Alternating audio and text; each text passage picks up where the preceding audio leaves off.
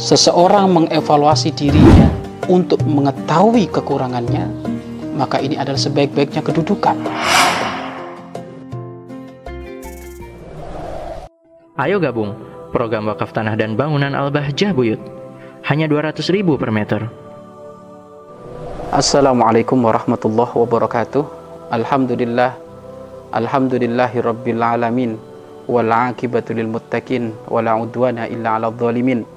Wa sallallahu wa sallama ala imamil mursalin habibi rabbil alamin sayyidina wa maulana Muhammad sallallahu alaihi wasallam wa ala alihi wa ashabihi wa tabi'ina lahum bi ihsanin ila yaumiddin amma ba'd. Sahabat-sahabat fillah yang dimuliakan oleh Allah Subhanahu wa taala. Orang yang biasa melanggengkan wudhu pasti ia mampu mengontrol emosi dan amarahnya. Karena wudhu mampu menenangkan hatinya dan menghindarkan dirinya dari firasat buruk. Sahabat-sahabat fillah yang dimuliakan oleh Allah Subhanahu wa taala. Di dalam kehidupan kita sehari-hari tentu bermodel-model orang yang bakal kita ketemui. Ada orang itu menjadikan kita bahagia, ada orang itu juga menjadikan kita sumpek. Ada orang juga itu menjadikan menjadikan mungkin emosi. Sempat amarah, keluar amarah. Akan tapi ketahuilah, bagi orang yang senantiasa melanggengkan wudhu, bersesuci, maka ini termasuk adalah ada sirnya, ada rahasianya, yaitu ia tidak akan mudah terpengaruh dengan rasa emosi, tidak akan mudah terpengaruh dengan rasa amarah. Bahkan orang yang cenderung punya kesucian wudhu, maka orang tersebut cenderung bisa mengontrol emosinya. Sehingga benar apa yang disampaikan oleh para ulama, terkhususnya oleh Imam Abdullah Al-Haddad di dalam kitabnya Adab Sulukil Murid, bahwasanya hendaknya sayokianya bagi orang yang rindu kepada Allah itu jangan sampai dia itu tidak terbiasa punya wudhu jangan terbiasa tidak punya wudhu alias meninggalkan wudhu andai kan kalau batal wudhumu segera ngambil wudhu lagi. Segera ngambil wudhu lagi segera ngambil wudhu lagi. Kenapa? Karena memang di situ ada ada ada ada rahasia tersendiri. Ada rahasia tersendiri. Selain pada pada intinya rahasianya adalah pemberian langsung dari Allah Subhanahu wa taala namun diketemukan oleh para para ulama ya di antaranya itu menenangkan hati. Karena memang kita ini adalah orang yang hidup yang senantiasa sambung dengan kebaikan sambung dengan nilai-nilai ibadah kepada Allah maka orang itu kalau sudah setiap hari punya wudhu ya dia akan mudah saat itu berzikir kepada Allah mudah saat itu membaca Al-Quran. Bahkan kalau dia setiap hari memudawa memudawa makan wudhu melanggengkan wudhu maka cenderung ya eh, daya pikirannya ini adalah daya pikiran yang yang positif. Karena dia saat itu dalam keadaan tersucikan. Karena memang ya muaranya segala pikiran-pikiran yang aneh itu kan dari dari dari dari kotoran dari hal-hal yang kotor. Maka termasuk adalah hadas ini kan kotor. Hadas kecil hal yang kecil yang kotor yang menjadikan terhalanglah ibadah kita. Ada juga hadas besar.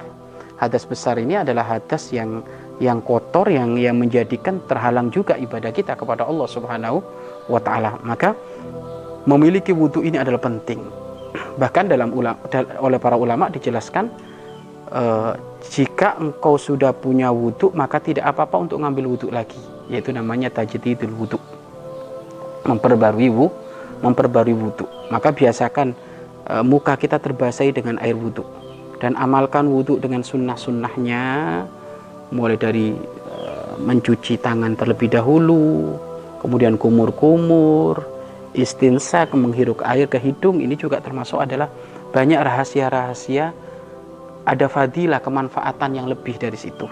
Khususnya mungkin sekarang lagi musim musim pandemi kayak gini penyakit corona ada di mana-mana ternyata hikmah dari corona ini yang mengembalikan kita untuk kita selalu mengamalkan sunnah-sunnah Nabi terkhususnya berkenaan dengan wudhu menghirup air ke dalam hidung, kumur-kumur, nyuci tangan ini kan semuanya kesunahan Nabi maka alangkah indahnya segala amaliyah yang dilakukan oleh Rasulullah ternyata itu semuanya ada hikmahnya Maka kembali lagi, biasakan sebelum aktivitas kita sudah punya wudhu. Sebelum ngantor kita punya wudhu. Sebelum kita buka toko punya wudhu. Sebelum kita ketemu orang punya wudhu. Biasakan itu semuanya agar supaya Allah membimbing kita untuk nilai-nilai obrolan kita ini nilai obrolan yang menarik, yang positif. Untung-untung setelah kita mengambil wudhu, melaksanakan sholat syukur wudhu ini juga hebat. Karena sholat syukur wudhu ini termasuk adalah sholat yang sholat sunnah yang menjadikan sebab sahabat Bilal sandalnya bisa masuk surga terlebih dahulu gara-gara beliau senantiasa mengamalkan sholat sunnah syukur wudhu kalau terompah kaki Bilal sudah masuk surga bagaimana dengan sahabat Bilal lah artinya ini termasuk adalah keutamaan-keutamaan fadilah dari orang yang senantiasa membiasakan untuk punya punya wudhu apalagi tulabul ulum apalagi seorang penuntut ilmu. Maka seorang penuntut ilmu biasakan apa pun ya harus punya wudhu karena seorang penuntut ilmu ya setiap hari dia kalau nggak menghafal belajar berzikir menimbah ilmu maka ini sarana yang harus dia senantiasa dalam keadaan suci karena al ilmu nur ilmu itu cahaya dan cahaya Allah itu hanya layak nempel kepada orang-orang yang dalam keadaan suci Pemirsa yang dimuliakan oleh Allah Subhanahu wa taala, ayo biasakan kita punya wudhu.